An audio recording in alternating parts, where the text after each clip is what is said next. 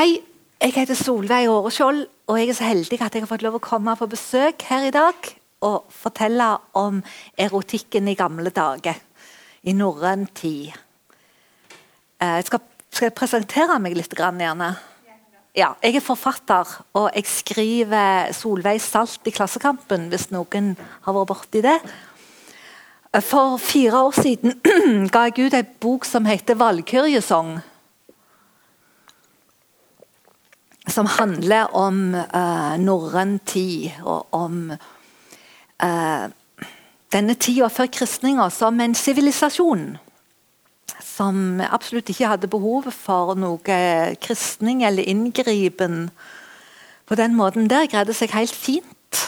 Og jeg, Den valkyrjesang handler veldig mye om å begrunne den sivilisasjonen jeg mener de hadde, ut ifra historie og litteratur og kjelle. Det betyr ikke at de alltid var veldig snille i den tida heller, men de var ikke så slemme som en gjerne kan ha fått inntrykk av av og til. For Når en først har skifta religion, så er det jo viktig å ha, bevise at det var veldig viktig at det ble gjort. For hva skulle en ellers gjøre det for? Så snakker jeg meg vekk. Nå skal jeg bare begynne. Dette her foredraget har jeg kalt for 'Ansikt til ansikt'.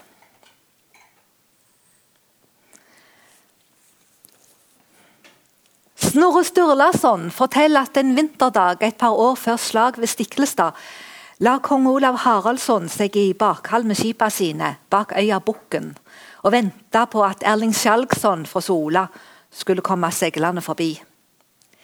Det ble til et veldig sjøslag der Erling verja seg som mannelege at ingen visste å nevne maken. Da tala kongen til han og sa, Du snur andletet mot oss i dag, Erling. Andlet til andlet skal ørner klorast, svarer han. Dette er et av de mest kjente sitater fra vikingtida. Det bygger opp under det svermeriet for tøffe helter som alle nasjoner bygger identiteten sin på. Den unge og lutfattige norske staten som organiserte seg etter 1814, hadde aldri løyvd så mye penger til historiegransking om man ikke regna med å få tilbakebetalt i lojalitet til konge og fedreland.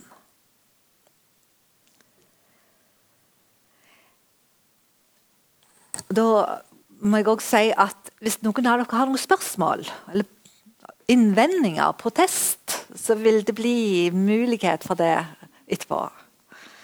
Skal få komme ut med alt. Men altså Snorre han, Den boka som han skrev midt, tidlig på 1200-tallet på oppdrag av Håkon Håkonsson, den ble eh, utgitt i mange opplag, i mange forskjellige opplag på 1800-tallet. Store opplag som ble solgt hele veien. Dyre og billige for fattige og rike. Alle skulle ha Snorre. Det bare sier noe om hva historien betyr for et land. Men norrøne litteraturen handler også om sider ved livet som ikke kan brukes til patriarkalsk statsdanning. Journalisten Halvor Kjønn skriver i sin bok om Harald Hardråde at sagaskriverne likte å krydre sine fortellinger med beretninger om romantisk kjærlighet. Ofte er disse fortellingene av moderne historikere forvist til legendenes og ikke virkelighetens verden. Men hva er basisvare, og hva er krydder i en tekst? Det finnes ingen garanti for at fortellingene om kamp og drap er mer autentiske enn fortellingene om erotikk og sex. På 1200-1300-tallet, da den muntlige tradisjonen fra vikingtida ble nedskreven, var det kongelige valsmonopolet så grunnfesta at bare en aristokratisk minoritet mestra våpenkunsten. Slagscenene i sagaen er da òg så standardiserte at de kan like gjerne være lagde etter utenlandske forelegg. På samme vis som skytescenene i norske filmer er made in Hollywood. Forelsking det kan derimot hvem som helst bli ekspert på. Så sant det er noen innen rekkevidde som ser passelig godt ut. Edda-diktet 'Riggstula'. Er det noen av dere som har lest 'Riggstula' i studiet eller på skolen? eller noe sånt? Det er En som heter som vandrer omkring i heimene. Og, og du var borti det? Riksstula. Ok, De har ingenting, for jeg forteller om det her. Det handler om en som heter Rigg, som går omkring på besøk. Og det er Ytre sett så handler det om en klassisk maktpyramide. Om aristokrater, bønder og treler. Men dette diktet har òg en erotisk skala. Og interessant nok så minker intensiteten mot toppen av samfunnet.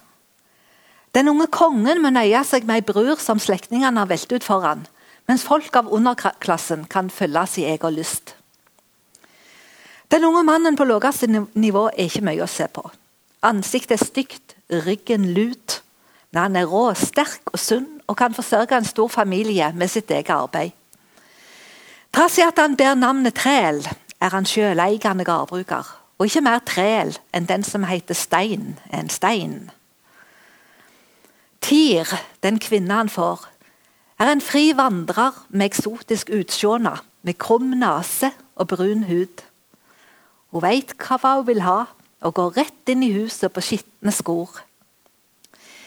Midt i sessen setter hun seg, sat hjå henne sønnen i huset. De rødde og Runa redde seg seng. Og Runa er både å bruke magisk maktspråk og det at hun elskende samtaler ansikt til ansikt.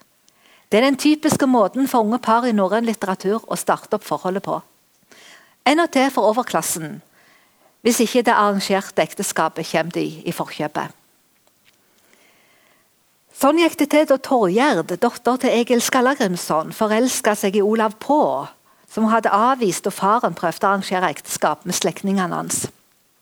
For han var sønn av ei trælkvinne, og hun skulle ikke ha noen trælkvinnesønn. Ble ganske forarga på faren sin. Jeg trodde du var glad i meg, sa Torgjerd kommer du med det der? Men I stedet for å ta et nei for et nei Olav hadde jo aldri, de hadde ikke truffet en annen. Det var sånn som slektningene styrte med. Så Olav han tok på seg de fineste klærne sine. De var skarlagensrøde. Hadde en hjelm med sånn gullbånd på og forskjellig. Og da gikk han på besøk på friarferd. Og gikk og satte seg med Torgjerd på benken og sa ganske sjølironisk at hun syntes vel han var veldig modig som vågte seg innpå en sånn Trælkvinnesønn som han var. Og Hun svarte at han hadde nok gjort større vågestykke. Og Der ble de sittende attmed hverandre resten av dagen. I djup samtale, ansikt til ansikt, så tett sammen at ingen kunne høre hva de sa. Og Bryllupet sto så fort det kunne la seg gjøre. Rammefortellinga i Riksstula er at guden Heimdal, alias Rigg, han går på gjesting i tre heimer. Og Hver natt så ligger han med husfrua der, med samtykke fra husbonden. Dette er en eldgammel skikk som er kjent fra mange kulturer, men ikke i moderne evolusjonsbiologi. Bosesoga baserer seg på den samme skikken, bortsett fra at her er det datter i huset som ligger med gjesten. Etter eget initiativ og med samtykke fra foreldrene. Bosesoga er ei fornaldersoga med handling fra, fra, før 900, nedskreven på 1300-tallet. Hun er ikke mer til litterært storverk enn at du henger akkurat tilstrekkelig sammen til å gi substans til personen Bose og de tre samleiescenene som denne soga er kjent for. De aller fleste sorgen, de store ettersorgen er veldig mye bedre litterært og psykologisk sett, men de har sine verdier, denne òg. Det er noen saftige slagscener, og så er det en ganske fascinerende skildring av ei trollkvinne og et hedens gudshus. Og så er det en fest der det tar aldeles av. Det kan være ganske interessant å lese om. Mens de islandske ettersorgene har etterrettelige ettertavler, en slektstre stamtrærne i fornaldersågene av det mer luftige slaget. Likevel må de være med for å gi illusjonen bein å stå på. Så Boka åpner med at kong Ring av Austgøtaland var barnebarnet til Odin, som var kommet fra Asia. Øst-Götaland det var litt lenger vekke enn Norge. Hvis en tenker at dette ble skrevet på Island, for der ble det meste, så er det liksom litt eksotisk. Så Odin kom fra Asia. Det var ikke bare noe som Tor Heyerdahl fant på. Det trodde Snorre òg, at det kom fra Asia, de der. Det er ikke så dumt tenkt, for egentlig kom veldig mye fra Bystants. Fra det som kalles for Istanbul nå for tida. Med kona si Sylje hadde Ring sønnen Herrød. Men han hadde òg en frillesønn fra ungdommen, Sjod, som han var mer glad i. Og Det er også litt interessant dette med å ha en ungdomskjæreste som en kaller for frilla.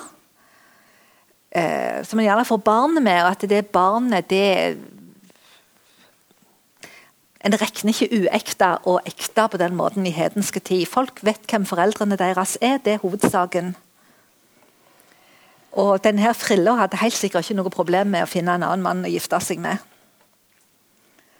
Tvert imot kongen hadde, eller kongesønnen hadde, kongen hadde likt den, så måtte det være noe for noen andre òg. Det var mer sånn de tenkte i den tida. Og Det tenker jeg nå òg, men en innrømmer det ikke alltid. Bose var bestevenn til Herrød og sønn av vikingen Tvare og Skjoldmøy og Brynhild. Nei, Skjoldmøy det er en kvinnelig kriger. Så det skal ha funnes noen av i gamle dager.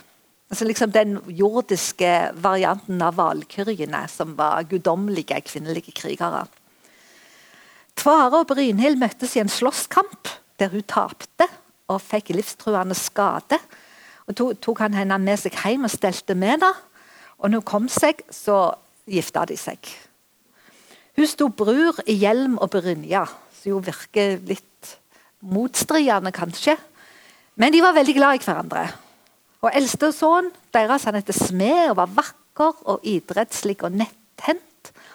Og Bose han ligna på mora og var stor og sterk og mørk og litt brulten. Begge brødrene ble oppfostra av den trollkunnige Busla. Og Hun var også tidligere frilla til far i huset der, som fortsetter med å bo der og ta seg av ungene. Hvor godt hun likte det, står det ingenting om, men hun følte tydeligvis stor lojalitet for familien. i alle fall. En gang Bose var og leka med Herrød i Kongsgården, kom han i slåsskamp med hirdemennene og øyela så mange av dem at kong Ring lyste han fredløs. Måtte reise vekk utlandet.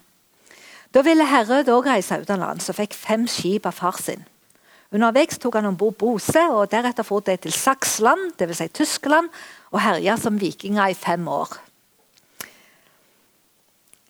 Det å utruste de fem skipene til Herod det hadde kosta så mye for kongen, kong Ring, at skattkisten hans var tomme.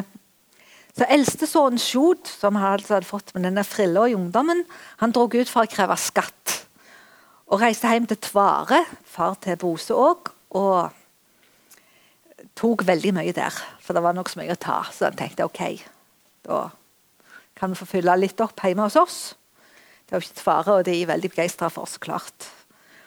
Imens mista Bose herre de fleste skipene sine i storm.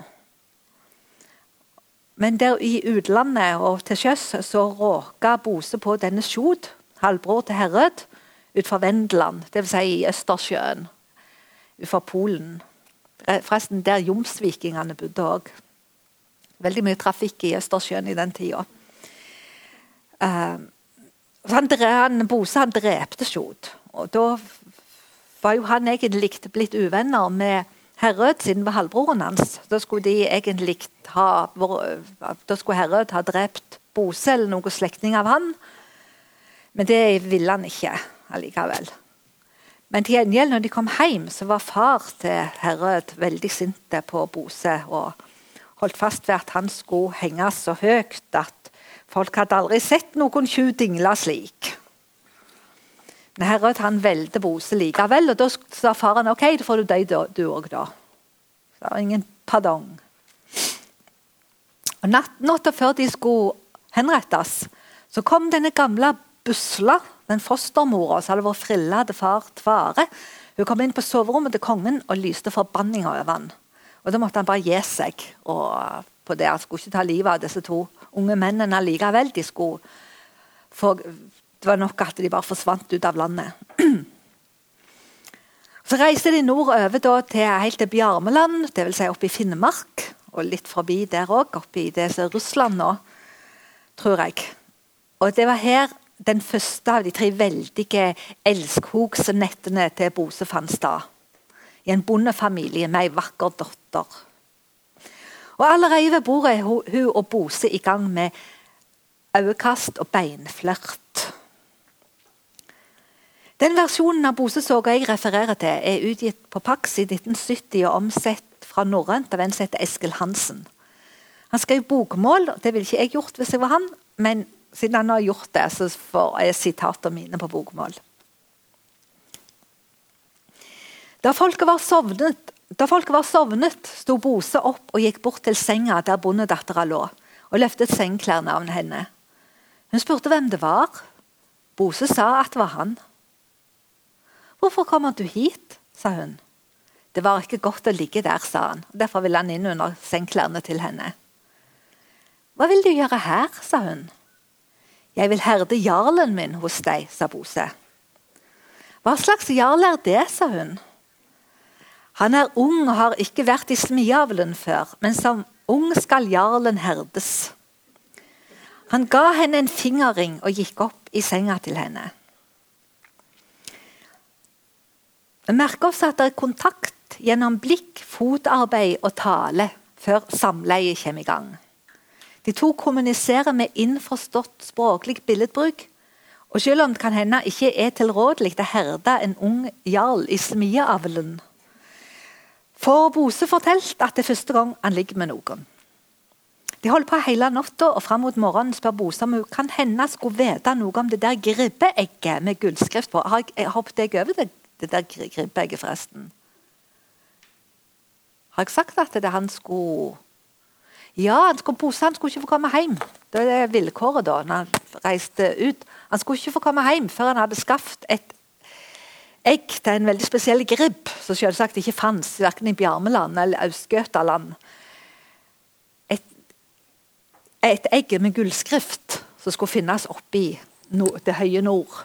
Det var liksom vilkåret. Og Så spør han denne jenta om hun etter at de har hatt det veldig godt hele natta, hun har aldri hatt det så deilig før, så spør han du vet vel ikke tilfeldigvis noe om et gribbeegg her oppi disse traktene. Jo, jo, jo.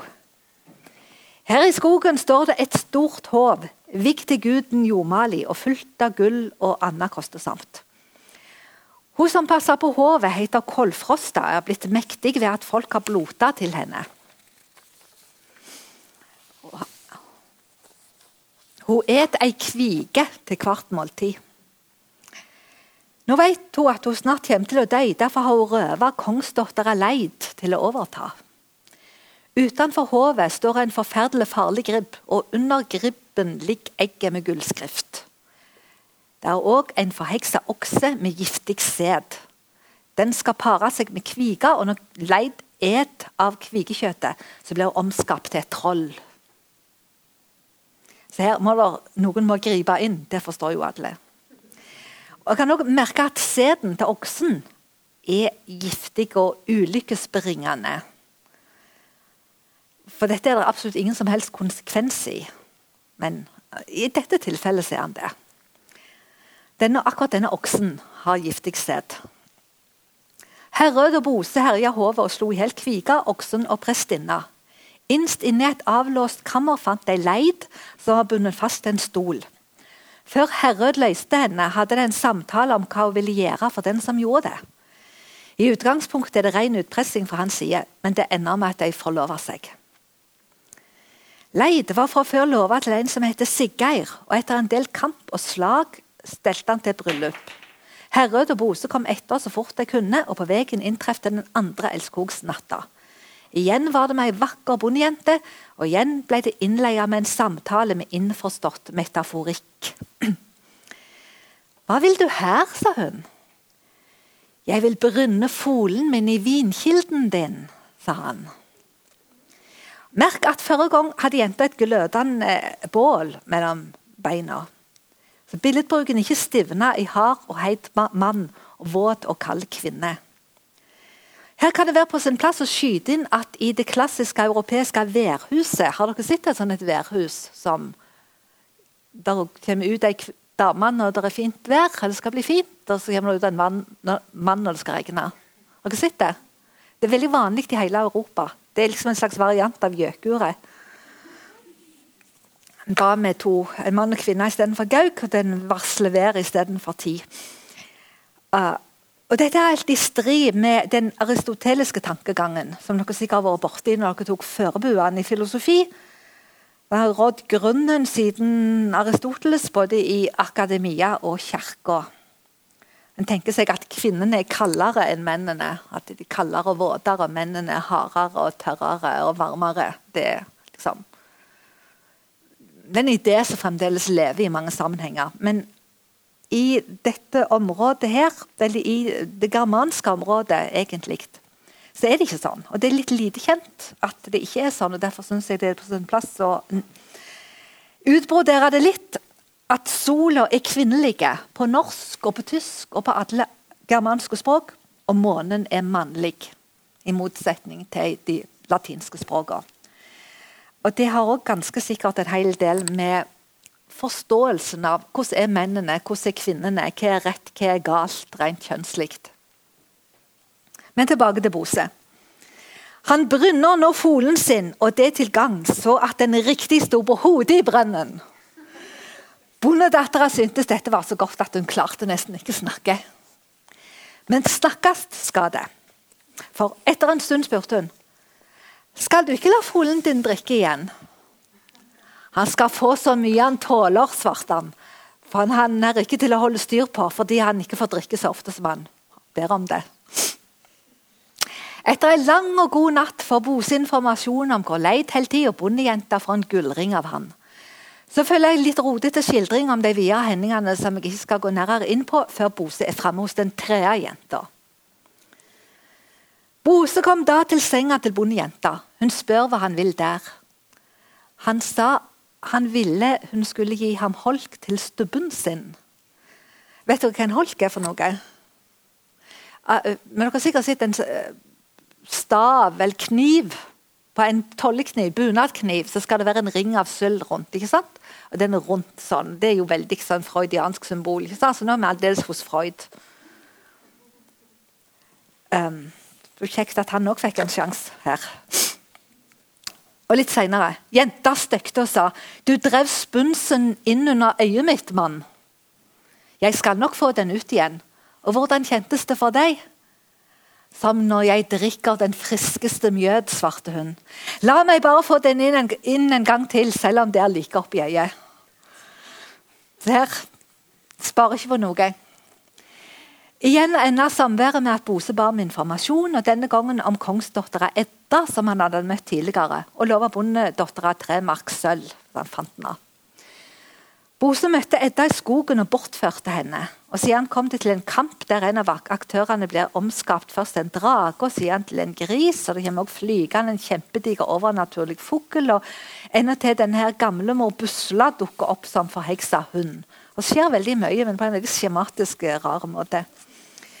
Fortellinga ender med at Herrød gifter seg med Leid og overtar riket i Aust-Jøtaland etter far sin. Mens Bose gifter seg med Edda og blir konge i Bjarmeland. Og Det hjelper veldig godt at Edda har kjent der fra før, sånn at de aksepterer Bose òg.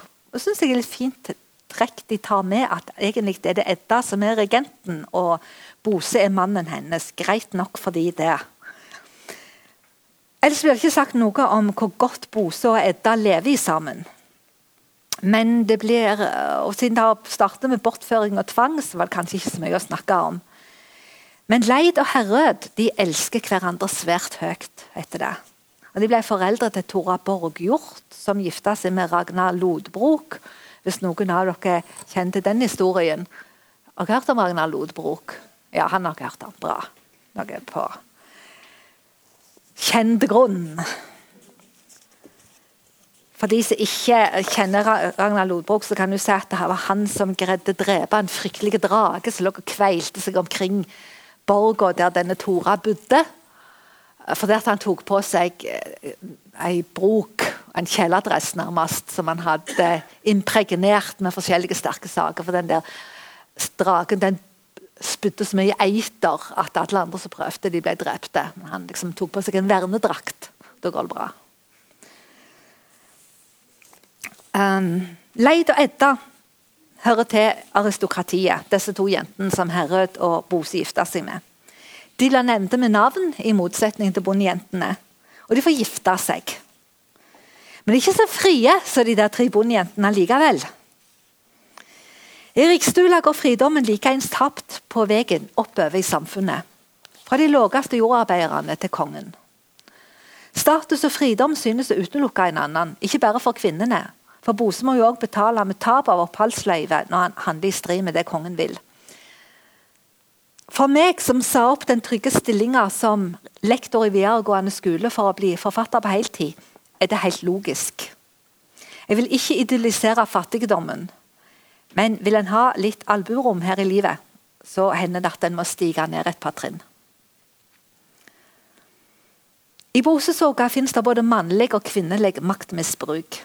Leid blir holdt fast av prestinna i hovet og truet et tvangsekteskap av far sin. Den trollkundige fostermor Busla er en motsetning, motvekt til hovprestinna. Og skaper med den nyanserikdom som egentlig er mer enn en kunne vente i en så kort og skjematisk fortelling som dette her.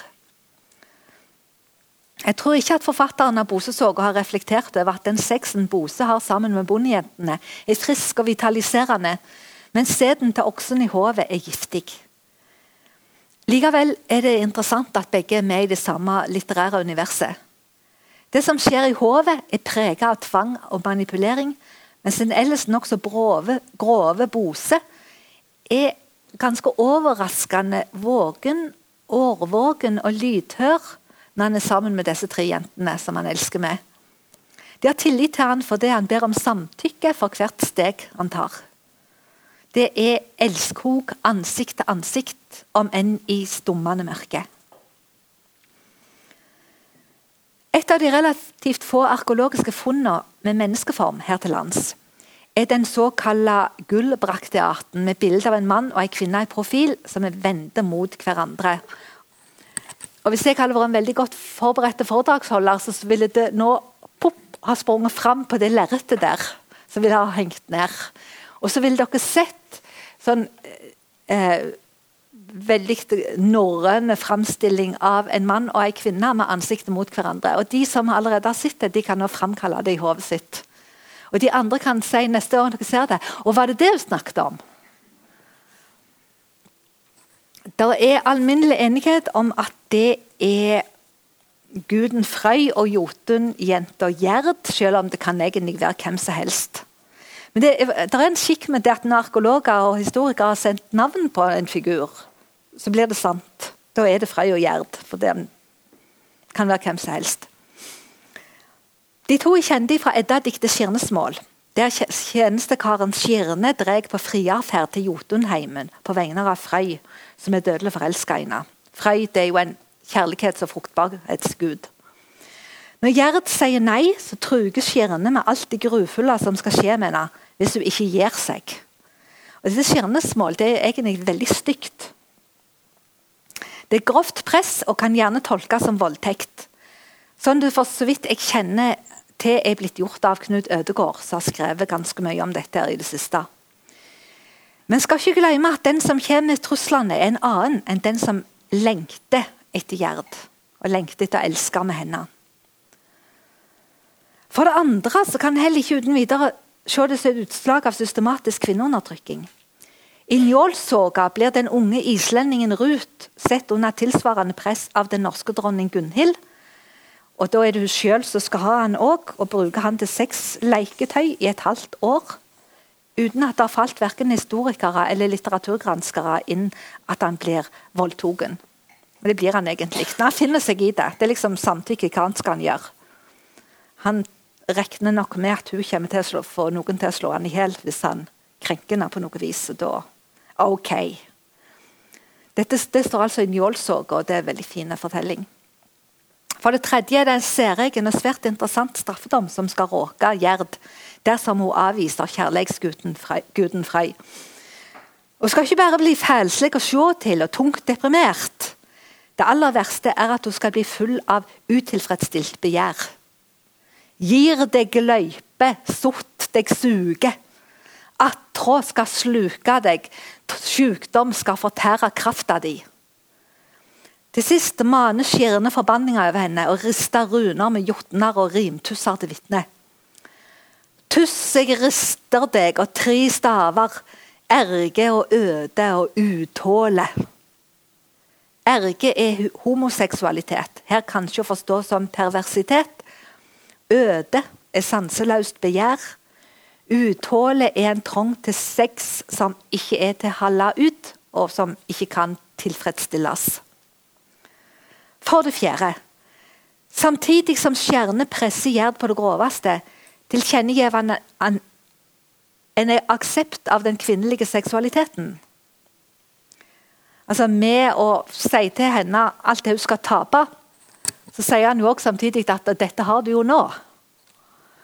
At det er glede ved sex er noe kvinner har. Det er noe ei unge jente som gjør det, venter seg av livet. Og han truer med at det skal gå tapt. Så Det er, det er et vrengebilde som han maner fram, som samtidig òg bærer i seg motsetningen sin. Alt det herlige Gjerd har i vente. Hvis ikke han skjerne da hadde kommet ødelagt alt. Denne seksualiteten som skimter tvers gjennom negasjonen, kan en si, den er helt lik den mannlige. Det er akkurat det samme en mann venter seg, som en kvinne venter seg. Og den uutholdelige frustrasjonen som skal råke Gjerd, er nøyaktig den samme som plager Frøy, som går og venter på henne. Derfor han har sendt av gårde Skirne. Og Han går der hjemme, og for hennes skyld er han så hugsjuk at han munner ikke lenger leve. Det er virkelig krise, dette her. Dette ender med at Gjerd sier OK, OK, ok, ok, så skal jeg komme, da. Når? Jo, om ni dager. Så han Skirne reiser hjem og sier til Frøy du skal få henne om ni dager i en lund som heter Berrelunden. Og han sier å, ni dager, jeg kan ikke vente ni dager. Ei natt er gale nok. Tre er fryktelig, men ni Å, skal det gå? Det slutter det med. Så er det jo Det går, dette her. Det ordner seg. Uh, men det er jo altså, jeg, jeg, jeg tar kanskje ikke skjerne tilstrekkelig alvorlig. Jeg burde kanskje ta den litt mer på alvor. men tenker alt det fæle som skjer i været osv. Jeg er kanskje litt for forelska i norrøn litteratur og greier. Jeg ser, en, jeg ser, det som en stor forskjell i alle fall, at hvis det hadde vært Frøy som hadde trua Gjerd på den måten, så vil det være noe annet enn at det er skjærene som blir litt for ivrige. kan en si. Frøy vet jo ingenting om hva skjærene holder på med. Det er ikke han som har bitt han om å komme med sånne trusler. Og Her har jeg lyst til å si bitte litt om jotnene. Jeg er snart ferdig nå. Uh, som uh, dere jo har lært litt i barneskolen, ungdomsskolen og videregående kanskje om at de er kaoskristne. Mm og Det blir de hvis en deler verden inn i to, sånn som den kristne verden er delt i. Men norrøn, det norrøne verdensbildet det er ikke dualistisk. Det er ikke delt på den måten.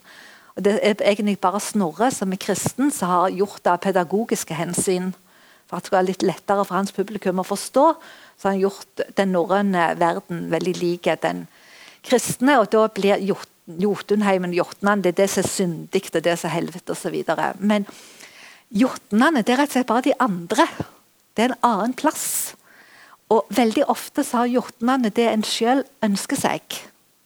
Mens gudene, esene, det eneste de har som jotnene vil ha, det er Frøya. Og Frøya hører ikke til hos esene, hun heller. Hun er liksom en mellomfigur. Jeg tenker meg at Jotnene har blitt skapte veldig mye ut fra Mikkelager, eller dvs. Si Bysants, så folk reiste mye til vikingtida. Og så ble det mindre trafikk utover mellomalderen. og det ble lenger og lenger til utlandet, til middelhavsområdet, og mer og mer mytologisk ble det. De kalte det for å reise austerveg og reise til Miklagard. Og etter hvert så ble det å reise til, i austerveg det ble å reise til Jotunheimen. Det, det er jo ganske sterkt, egentlig. Liksom den veien de reiste over Østersjøen, og gjerne enda lenger nord, over fastlandet. Russland, Finnmark-Russland. Så liksom det, Da kommer en til den andre plassen. Så Jotunheimen den er bak horisonten. Og der er det mye godt og mye vondt. Akkurat som blant esene. Så Det er ikke noen sånn tvideling mellom det, det, gode og det vonde. og den, Det norrøne verdensbildet er kolossalt dynamisk hele veien. Livet handler om å leve ikke om å gjøre et valg en gang for alle. Det er fire år siden jeg skrev den boka som heter 'Valkyrie-sang'. Jeg hadde tenkt å kalle den for 'Heidningelengsel', men forlaget fikk meg fra det fordi det uunngåelig ville bli oppfatta som min personlige lengsel etter heidensk tid. Men den lengselen jeg var opptatt av, var ikke min egen, men den som gir seg til kjenne hos sagaskriverne. Den norrøne litteraturen er full av saktene av ei tapt tid. Den munnlige tradisjonen ble skriftfesta flere hundre år etter at kristendommen var innført. trolig i stor grad av prester og munker. Og Flere av islendingene sier eksplisitt at flere av islendingssorgene sier eksplisitt at kristninger som skjedde etter vedtak på Alltinget i året 1000, var det beste som hadde hendt med Island. Men en kan få inntrykk av at det var bare noe de måtte si for å ikke få bråk med kongen og hans folk. Kirka. På den tida sågene ble, for det, må jeg også si at det, det, Innføring av kristendommen det ble gjort ved alltings vedtak i år 1000. Altså ved en form for demokrati som de hadde. De hadde jo ikke konge på Island, det var en republikk. Og Da skulle det være tillatt å ofre og blote til de gamle gudene hjemme. Men offisielle religionen skulle være kristen. Men det var ikke mange år før det kom folk, prester fra Norge, og preste gjennom at nei, ikke noe bloting hjemme heller. Det skal bare være kristendom her. Det var slutt på det kulturelle mangfoldet. På den tid sogene ble skrevne, var makta på Island samla hos et par stormannsslekter som utkjempa en så øyeleggende innbyrdeskrig at det bare så altfor lett for norskekongen å gripe inn og legge landet under sin egen trone. Det skjedde på 1200-tallet. Det var slutten på den eneste republikken som fantes i europeisk mellomalder. Og denne republikken var til grunnlagt etter heidenske retningslinjer, i en tid da alle andre stater bygde på makta til kirka. Det er knapt tilfeldig at fortellingene om gamle dager ble skrevet ned samtidig som den islandske selvråderetten gikk tapt. Det som er oppsiktsvekkende, er at heidningene slett ikke blir skildra som blodtørste barbarer. Fordi hedningene som er i islendingsåkene er helt annerledes enn disse Vikings av forskjellige produksjoner som går i fjernsynet. Ligner ikke på dem. Vår tids vitenskapsbaserte historieskriving prøver etter beste evne å støtte opp om ideen om kristendommen som siviliserende kraft. Mellom annet fordi den kristne staten setter forbud mot holmgang, altså duell, og blodhevn. Men det kan ikke dokumenteres at samfunnet sett under ett ble mindre voldelig. Skolebarna lærer fremdeles at heidningene brukte å sette ut barn de ikke ville ha. Men i soga om Gunnar Ormstunge står det at det var svært uvanlig og dessuten lite ærefullt. Vanlig nestekjærleik var slett ikke ukjent før kristninga. I soga om Eirik Raue er det en heidensk bonde på Grønland som tar hånd om en flokk forkomne innvandrere fra Island og har dem buende hos seg hele vinteren. Når sagaskriveren ikke har dikta denne miskunnsomme heidningen om til en from kristen, kan, kan, det nok være fordi tradisjonen om han var så godt kjent. Altså Alle visste at han var hedning. Dessuten er det et dramatisk moment i handlinga at når de kristi, når de kristne gjestene blir satt i klemme pga. den heidenske volva eller spåkvinna som bonden henter til gården. Men det kunne jo vært et alternativ å sensurere bort hele episoden. Avskaffinga av den gjensidige, lystfylte kjærleiken skjedde etter direktiv fra kirka, med heite helvete som motivasjonsfaktor. Somme tror at den undertrykkinga av kvinnene som kristendommen førte med seg, var bra for mennene. Men var nok bare den mest nevrotiske og forskremte som hadde utbytte av det. Selv den autoritetstru Snorre Sturlason skriver med beundring om den kaute Sigrid Storråde. Og en forstår at han syntes det var synd det ikke var sånne kvinner lenger i hans egen samtid. Illustrasjonene til min eh, Bosesoga er lagd av tegneren Audun Hetland, som var en veldig eh, fancy tegner på 70-tallet. Som sikkert syntes han var modig når han tegnte så mange erotiske scener. Og sikkert ikke sansa sjøl at alle kvinnene, omtrent alle i alle fall, som han har tegnet, ser ut som de holder på å sovne. I den gamle teksten er det jo de tre jentene som tar initiativet til sex. Og de sovner så vidt ikke. Og Samtalen blir innleia med innforstått metaforikk. De leker seg med språket. Penis er en ung adelsmann. Vagina er et glødende bål. Penis er en fole. Vagina er ei vinkjeller. Jf. heiting og, og kjenninga i skallekva de som studerer nordisk. Det gjelder om å fargelegge det som skjer, i motsetning til metaforikken i senere tid, som har hatt til formål å dekke over. Dere kjenner sikkert den engelske talemåten 'to sleep with'. Dere vet ikke hva det betyr, ikke sant? To sleep with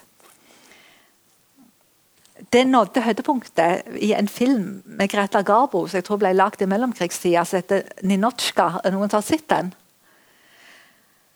Det der med 'to sleep with' det tok seg til sin ytterste konsekvens, sånn at den elskende kvinna faller i søvn etter et par kyss. Siden har ordet 'fuck' grepet om seg at det erstatter de fleste andre verb. Og Filmene flømmer over av standardiserte samleie.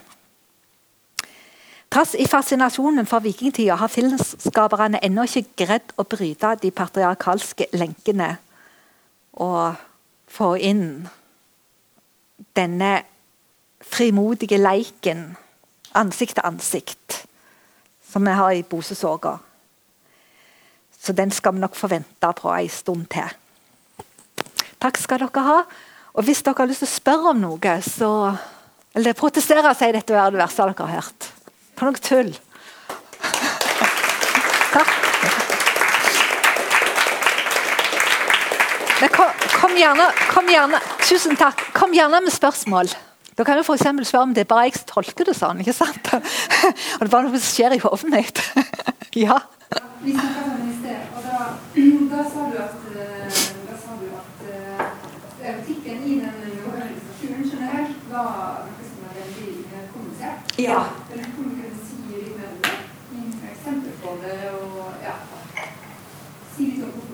Ja, da kan jeg jo ta denne litt stygge historien egentlig om Ruth. Som betyr vær, altså sauebukk. Når den ungen ble født, så kalte han for Ruth. Og han, han var veldig maskulin allerede som baby, kan vi forstå. Og Det gikk jo rykter om folk. Han var en stor og flott mann og han vokste opp. Og han var forlovta på Island med ei som het Unn. Det var sånn arrangert ekteskap uh, broren hans sa at Hva syns du om hun der? Fin jente, det? Ja, jo. Greit, sa han. Men vet ikke om vi passer så godt sammen. Omtrent sånn tok hun det òg, så de var liksom forlofte da. de, for det at det rent sånn, Hun var enebarn og arving til masse penger. og Noen skal han jo gifte seg med. greie. Og Så reiste han til Norge for å forfatte en arv, han Ruth. Og der var dronning Gunhild som satt og venta som en gammel kjette. for jeg av en gang han prøvde å pile forbi, så tok hun han. Og jo, lot han forstå at eh, nå gjør du sånn som jeg sier, eller så får du ikke noe arv. Og kanskje du ikke kommer levende til Island heller, for alt jeg vet. Så han måtte være elskeren hennes hele, hele vinteren. Og jeg tror ikke han syntes det var så aldeles Det varierte sikkert litt hvordan han opplevde det. kan jeg tenke meg. Men det var ikke frivillig. Absolutt ikke. sånn som det kom i gang. Han var en ung mann, hun var ei kvinne med voksne barn. Sikkert veldig flott fremdeles. Um, men det var en tvangssituasjon for han. Og når skulle, han skulle reise hjem igjen til Island, det skulle han jo få lov til da til våren, såpass, så sa hun hvorfor fortalte du meg ikke at du hadde ei jente på Island? Det er straff for at du ikke forteller det til meg. Så skal du aldri kunne ligge med henne. Skal kunne, alle andre kvinnfolk går det greit med, men henne Og så gifta jo de seg under ruta på Island, og greit nok. Men hun trivdes veldig dårlig. til faren hans han forsto at dattera mi er ikke helt lykkelig. Og hva er det for noe barnet mitt greier? Mor hennes var død, og sånn, så de, men forstår de to sto hverandre veldig nær. No, nei, nei, jeg orker ikke snakke om det. Men til slutt så kom det ut at vet du hva? Jeg har ikke noe glede av den der mannen. Han er jo vakker, og han er snill og han er raus. Han gjør alt han kan for meg, men jeg gir godt i senga. For han blir så Når vi begynner, liksom, så blir han bare så diger at det kan ikke få han inn. Og legg merke til, Hvis dere leser om dette her i en eller annen sånn bok om islendingsorganet, så står det at han var impotent. Men han var alt annet impotent. Det var det som var problemet. Og jeg har tenkt meg at eh, Folk visste mye om hverandre. Altså, aristokratiet det var ikke så grusomt mange folk. og De sladra i ett kjør. Hun, Gunhild vet alt om UNN før hun sier at hun Du har jo ei på Island. Så hun forstår at hun er bare ikke akkurat den jenta som passer for akkurat han. Det er en veldig lett forbannelse å lyse over han, men det ble jo trolldom da. Forstått på den rette måten. Så det ender med at far, far til Unn han blir så sjokkert at skal dattera mi ha en mann hun ikke kan ligge skikkelig med? Det går jo ikke an. Så det må du bare kvitte deg med han der, da. Du må skille deg, ikke noe annet å gjøre. Så han forklarer hvordan hun skal gjøre for å få gjennomført. Det var jo en litt rar skilsmisse da. Men hun skal gjøre forskjellig. Han har veldig gode greier på og sånn, så han forteller hvordan hun skal ordne seg for å uh, bli kvitt den mannen der. Og det gjør hun, så hun skiller seg fra han. For Et par år siden så hadde jeg en avisdiskusjon med en historiker het Jostein Nekvitne, som skrev i ei bok, og vel i avisa òg, at hun, Unn hun måtte tigge faren sin om å få lov å komme hjem igjen. Men i Njålsåga, der dette står, fins ikke tigging. Hun griner for det er ulykkelig, og faren sier ja, men da må du bare skille deg og komme hjem til meg. Sånn er den historien der. Fortell det. Og Det skrev jeg tilbake i Klassekampen, og så hørte jeg ikke mer om det. Men jeg syns allikevel det er skandaløst at en profesjonell historiker han leser en historie i en bok, og så bare dikter han en historie om de stakkars kvinnene som hadde det så vanskelig og måtte tigge faren sin om å få lov å komme hjem. For det var faren som ville du skulle skille seg. Men Det er veldig mye av det der. og Det er en av grunnene til at jeg har skrevet den der boka. Jeg ble veldig lei av at den litteraturen som er veldig kvinnevennlig, kan en si, og sannsynligvis er skrevet ganske mye av kvinner, eller iallfall av menn som dikter kvinner veldig godt, blir vrengt til det motsatte.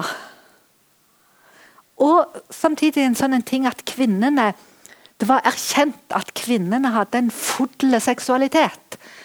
Så det var helt lik den mannlige. Lystopplevelsen var akkurat den samme. Behovet var akkurat det samme. Og retten til å ha sex er akkurat det samme.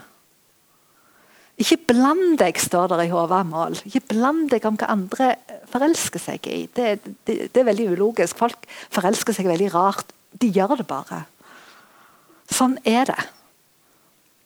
Men å ikke ha sensualitet i livet, det er grusomt i den norrøne forståelsen. Og I Håvamål så står det Torkar toll som i tunet sten, det hjelp korkje bork eller bar. Så er hver mann som kjærleik vantar, kvi skal han lenge leve. Det var det òg en historiker som oversatte. Vennskap Dette handler om vennskap mellom menn. Det har ikke noe med kvinnfolk å gjøre. Det er helt sant. Men det er ost som eh, der står om der, det er, det er erotikk. Det er kjærlighet. Egil Skallagrimson han var en helt forferdelig viking og helt sikkert ikke holdt tall på hvor mye folk han drepte. Han var delvis sinnssyk, bare tørna aldeles galen. Nydelige mann hjemme. Snill med ungene sine, glad i kona si. Og når han ble gammel, så lagde han et nydelig dikt om penisen sin, så det ikke var så var, altså, ikke var så mye igjen av. Han skrev om kroppen, forfallet i kroppen. Han, fantastisk erkjennelse av kroppen. Han skriver tidligere i livet òg om sorg. Om hva sorg gjør med han. Og Det å gå ifra aldeles ødeleggende sorg og til å liksom, begynne å leve igjen, som står i Sona Torek, det er òg en, en åpenbaring av sensualitet. Fra det å ligge aldeles død og ødelagt, og det å vokse opp igjen så det diktet der handler om. Men livet tar jo slutt.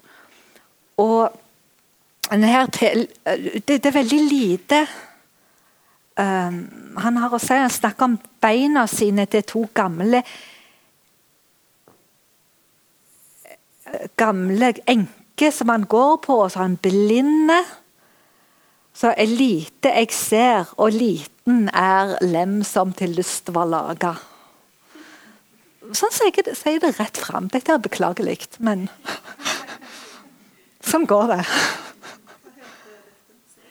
Det diktet der vet jeg ikke om, om, det er noen navn på, men det står på slutten på Egil Skallagrimsons sørger. Så du finner det.